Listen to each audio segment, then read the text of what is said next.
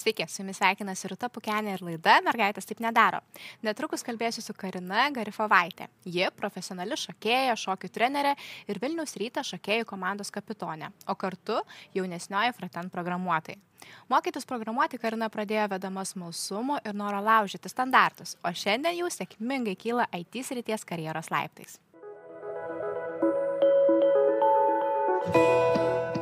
Sveiki, Karina.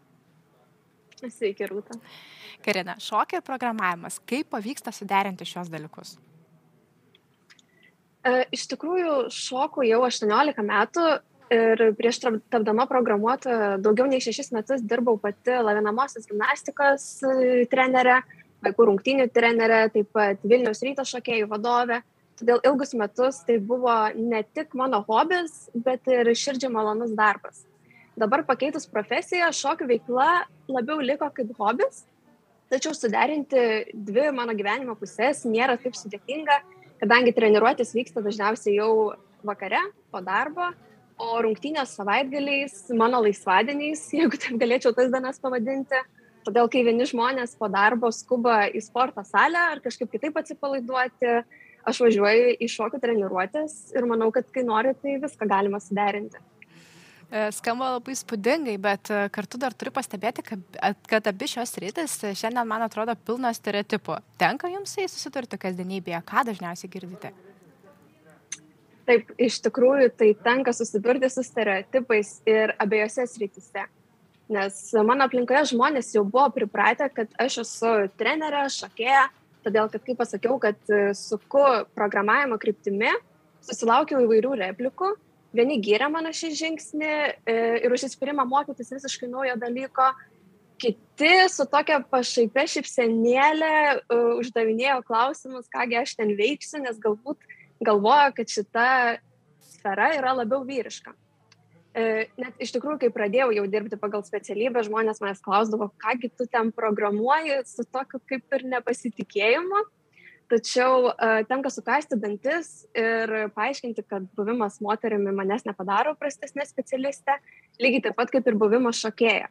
Ir šitoje vietoje atsiranda dar vienas stereotipas, kad protingos, save gerbiančios merginos galbūt nešoka krepšinio aikštelėje, ką irgi galėčiau paneigti, nes mūsų komandos merginos visas yra išsilavinusios, neįtikėtinai protingos ir po savo darbo dienos dar sugeba ir užsimti mylimą veiklą.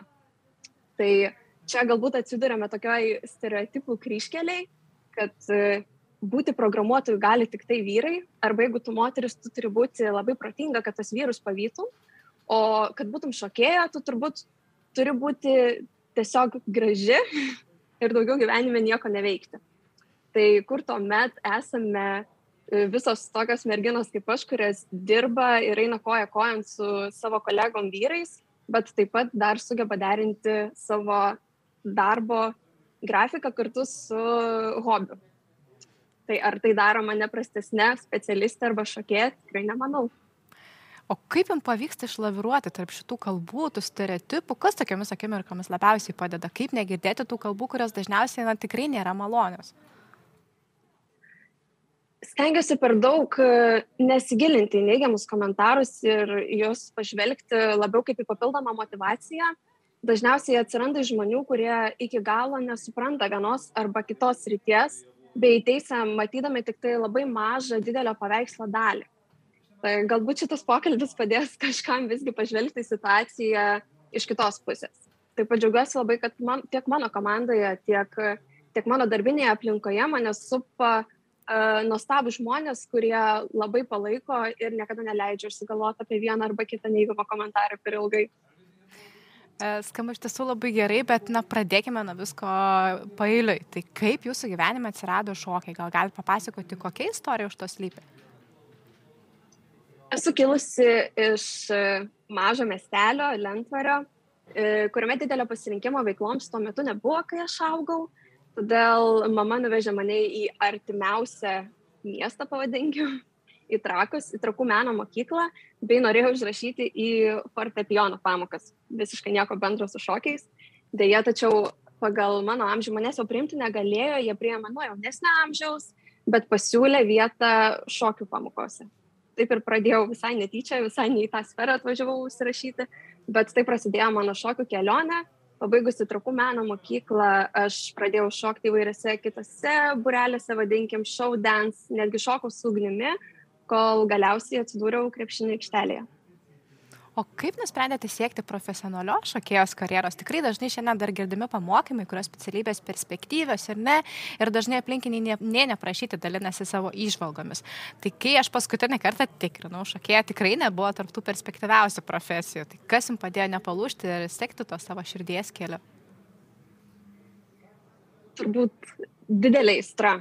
Negaliu užsimti veiklą, kuri man nesuteikia laimės Todėl augau šokdama ir tobulėdama šioje srityje, kaupiau žinias, kurias vėliau sugebėjau perduoti kitiems. Pirmos savo grupės vadovė tapau iš tikrųjų dar būdama nepilnametė, 17 metų, man tai labai patiko, todėl įstojau mokytis į pedagoginę sritį universitete, kad toliau galėčiau mokintis, kaip tas žinias geriau perduoti kitiems. E, ir taip tikrai labai dažnai girdėjau, kad tai yra neperspektyvu, tai yra laikina ir mano tėvai man tai kartoja, tu ilgai nešoksi, kiek tu ilgai dar tai galėsi daryti, tačiau mano artimi žmonės žinojo, kad jie manęs neperkalbės, jiems beliko tik mane palaikyti. O kaip visame tame atsirado programavimas, kada susižavėjote tekstritimi?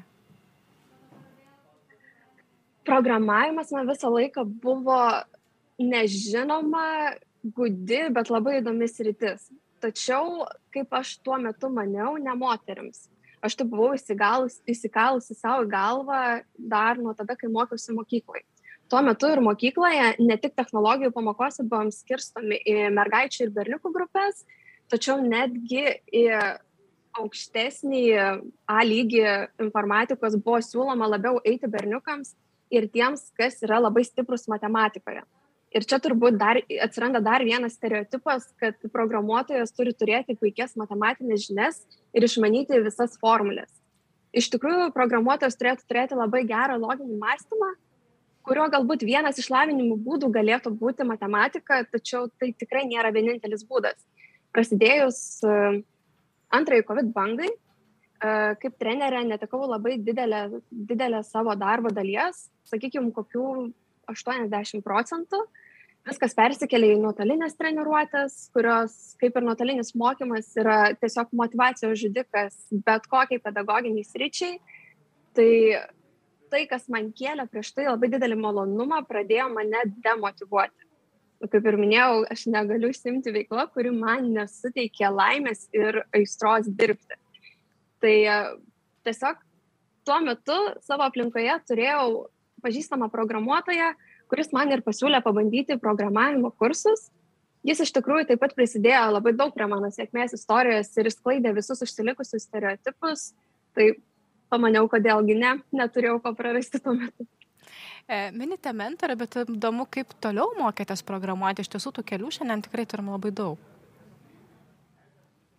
Taip, iš tikrųjų pasirinkimo labai daug.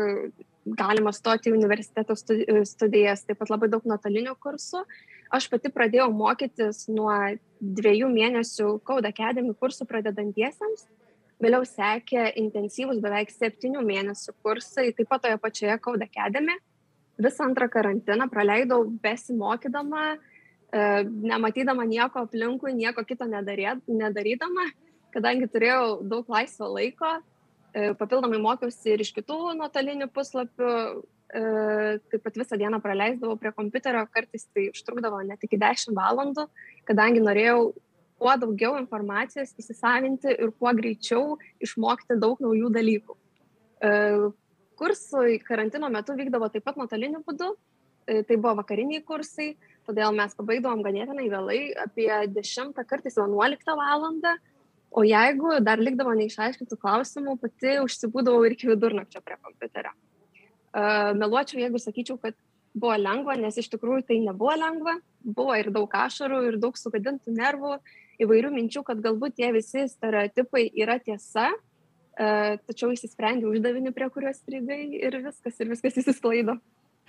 Iš tiesų esu labai dėkinga, kad dalinatės tą tikrąją istoriją, nes, na, kai žiūrime į tokius pavyzdžius kaip jūsų, jūsų iš šalies, tai, na, nesimato to viso kelio, kiek užtruko ateiti iki to pirmojo darbo. Žinau, kad šiuo metu dirbat programuotoje, tai kiek jums užtruko išmokti programuoti? Um, sakyčiau, kad iš viso iki mano pirmojo darbo, nuo pačios pradžios, kai pradėjau programuoti, užtrukau su visais kursais metus. Bet pabaigus kursus, tai darbą susiradau per maždaug du mėnesius. Visą tą laiką po kursų, dar tos likusius du mėnesius, aš dirbau ties individualiais projektais. Jie buvo įvairaus sudėtingumo, kad turėčiau tiesiog savo portfolio darbų, kuriuos galėčiau parodyti busimiems darbdaviams, kadangi darbo patirties iki tol neturėjau. Mm, gal gali prisiminti savo pokalbius dėl darbo? Įdomu iš tiesų, ko įmonės prašo pradedančiųjų programuotojų, kurie neturi darbo patirties, kaip savo mokslams gauti tą pirmąjį darbą IT srityje? Man iš tikrųjų šiek tiek pasisekė, nes dabar galiu juokauti, kad ne aš susiradau darbą, o darbas susirado mane nes pirmąją žinutę iš savo dabartinių darbdavių aš gavau e, per LinkedIn platformą. Jie ieškojo frontend programuotojo, o aš ieškojau darbo. Tai taip mano CV ir atsidūrė pas juos. Sekančią dieną sulaukiau skambučio ir, e, ir tai buvo mano pakvietimas pirmajam pokalbiui. Pirmas pokalbis ganėtinai praėjo sklandžiai. Jo metu įmonė labiau norėjo sužinoti E, daugiau apie mano asmenybę, ką aš veikiau prieš tai, e, kaip man sekėsi mokytis, e, kodėl pasirinkau šią specialybę, kokias technologijas jau išmanau. Tai buvo labiau orientuota į mane, kaip į žmogų, kaip į mano asmenybę, kad pažinti visai ne, ne su technologijom susijusių žmogų, tiesiog koks tu esi. Tai pirmiausias pokalbis dažniausiai nuo to ir prasideda. Vėliau sekė techninė užduotis. E, iš tikrųjų, tai priklauso nuo įmonės, vieni duoda techninę užduotį, kiti galbūt duos testą, treti tiesiog techninį pokalbį. Mano atveju aš gavau techninę užduotį, tai buvo darbas, kurį turėjau atlikti namuose ir išsiųsti atgal įmoniai. Patikrinę užduotį, jie su manim vėl susisiekė ir jau tada pakvietė į techninį pokalbį, kuris, neneigsiu, man buvo pats baisiausias ir sukėlė di, di, didžiausią pasiruošimą, didžiausius klausimus ir tikrai tikrai buvo sunku pasiruošti jam. Uh, bet pirmiausia, tai buvo sudėtinga ir kėlė stresą, nes visas pokalbis buvo anglų kalba, o klausimai buvo teoriniai. Iš tikrųjų, dabar pagalvojus, tie klausimai nebuvo pernelyg sudėtingi, labiau su programavimu pagrindai susiję, kuriuos jau ateidamas dirbti, tu kaip ir turi išmanyti tikrai neatsakiau tuo metu į visus man užduotus klausimus, tačiau jau dabartiniai kolegos man juos paaiškino ir netgi iš to pokalbio aš išsinešiau daug naujų žinių. Uh, tai tikrai rekomenduočiau kuo daugiau į tokius pokalbius eiti, bandyti, nes netgi jeigu nepasiseka, tai išsinešti naujų žinių, naujų kažkokių naujos patirties nugalėti savo baimės, kalbėti vien anglų kalba bei teoriniais dalykais tikrai galima išsinešti iš tų pokalbių. Jūs šiek tiek užsiminėt, kad viena pagrindinių priežasčių, kodėl save stabdėte nuo programavimo, anksčiau buvo įstikinimas, kad tai yra vyriškas rytis. Tai kaip atrodo šiandien, kai jau įgyjote praktinės patirties, koks yra tas programuotojo darbas? Šiandien tai tik galėčiau pasigailėti, kad nepradėjau to anksčiau. Ir taip galbūt tai yra vyrų dominuojamas rytis, tačiau dabar vyriška aš jos nepavadinčiau. Uh, galbūt loginis mąstymas, dėmesys, detalėms, kropštumas yra savybės, kurias gali išsiugdyti bet kas. Jo lab, kad teks rytis taip pat yra ganėtinai plati, o ir pačio programavimo atšakų yra tikrai ne viena. Pasidomėjus galima išsirinkti savo tinkamiausią ir dabar aš kolegų vyrų turiu daugiau, tas yra tiesa, tačiau niekada nebuvo nei dienos, kad jie mane būtų privertę pasijausti kažkaip prastesnė specialistė vien dėl to, kad esu moteris. Kaip manote, kodėl tada moteris neteina į tech tik dėl stereotipų, tik dėl baimių? Ką reikėtų daryti, kad moterų šiandien tech būtų daugiau? Aš manau, kad taip, dėl nusistovėjusių stereotipų, baimės bandyti, rizikuoti, eksperimentuoti, ką galbūt galėtume mes kaip visuomenę padaryti, tai nustoti skirstyti tas profesijas į vyriškas ir moteriškas, ypatingai jaunam amžiui vaikui išgirdus, kad tai yra kažkas mergaitiška arba berniukiška, jo mąstysena būtent taip ir veiks. Nes mano taip veikia ir daugybės kitų žmonių taip veikia. Taip pat reiktų akcentuoti, kad visa teks rytis, o mano atveju programavimas, yra be galo plati. Ir jeigu vienas žmogus e, dirba su duomenų bazėmis, nereiškia, kad ir tu tai turėsi daryti. Galbūt tu geriau jausies e, dirbdamas su vizualinė vartotojo pusė, o gal grieši pirmus smuiku kurdamas įvairių svetainių ir aplikacijų dizainus. Pasirinkimo apstu, tik tai reiktų turbūt iškomunikuoti tuos pasirinkimus visiems kitiems žmonėms. Ir man atrodo, kad dar parodyti ir tą realybę, nes e, taip pat susidurėm su daug mitų, kaip iš tiesų atrodo programuotojo diena. Tai papasakokite mums, kaip atrodo jūsų dabar jau junior frontend programuotojos kasdienybė šiandien. Ką veikiate per dieną, kokios yra pagrindinės jūsų atsakomybės? Dirbame iš anksto e, susiskirstę darbus dviem savaitėm. Ir kiekvieną rytą mes turime susitikimus, pokalbius apie prieš tai dieną nuveiktus darbus ir apie darbus, kuriuos mes darysime šiandien. Iš tikrųjų, tai tom dviem savaitėm mes gauname, sakykime, keturias užduotis, galbūt vieni gauna daugiau, kiti mažiau, priklauso nuo užduoties sudėtingumo, tai gali būti netgi viena užduotis tom dviem savaitėm.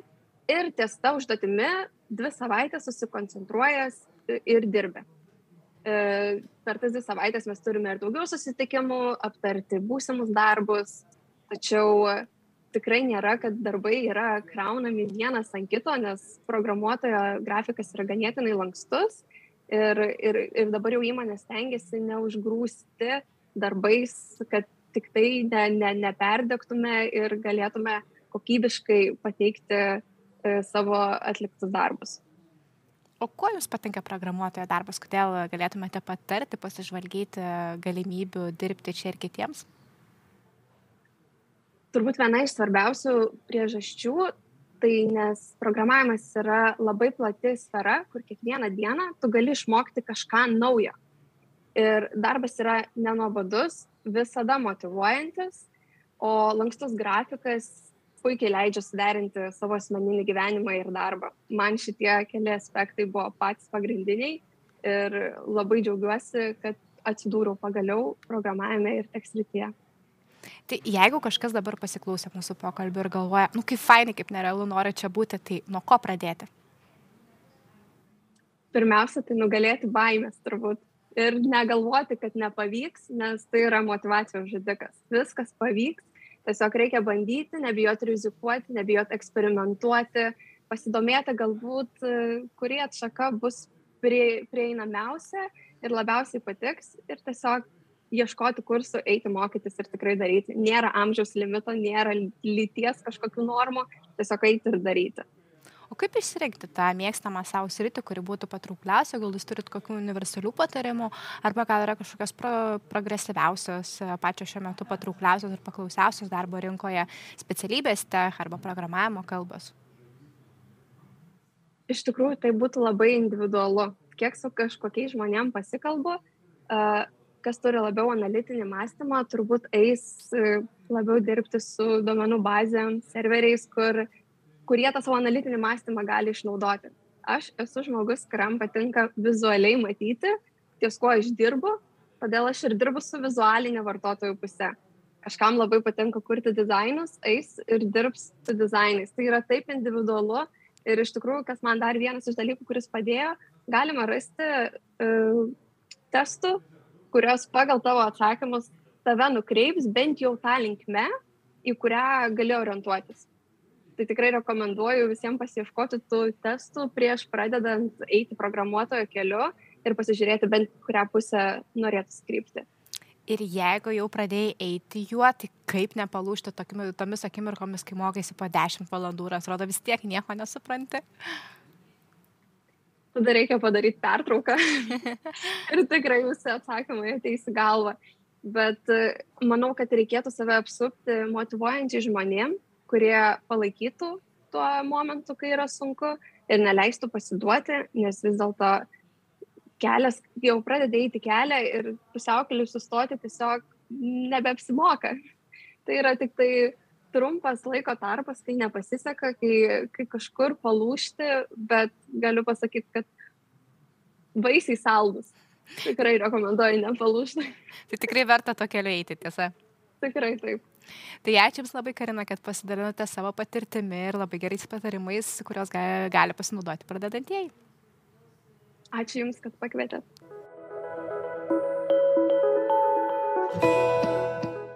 Ačiū ir Jums, žiūrovai, kad buvote kartu su mumis. Padėkoti taip pat norėčiau laidos remėjai ir partneriai Baltic Amadeus.